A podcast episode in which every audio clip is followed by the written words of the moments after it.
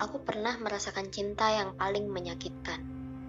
Berbulan-bulan aku tak bisa memulihkan diriku. Rasa sakit yang ia berikan belum juga kering. Masih terasa baru. Rasa-rasanya aku tak mau lagi merasakan jatuh hati.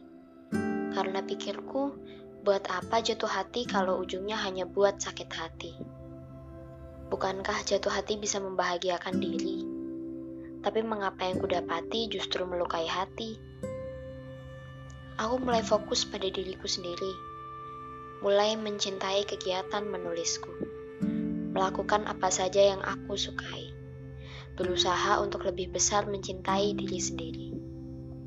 Satu hal yang akhirnya kusadari, kebahagiaan tidak hanya datang saat dicintai orang lain, tetapi juga bisa datang saat mencintai.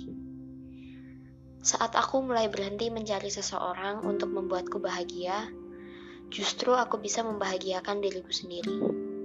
Aku bisa mencapai segala hal yang aku impikan, aku bisa lebih perhatian kepada diriku sendiri. Aku mencintai kegiatan menulisku setiap hari. Banyak hal yang datang membawa bahagia. Kelak aku sadar, kebahagiaan yang lainnya akan datang saat aku bisa membahagiakan diriku sendiri.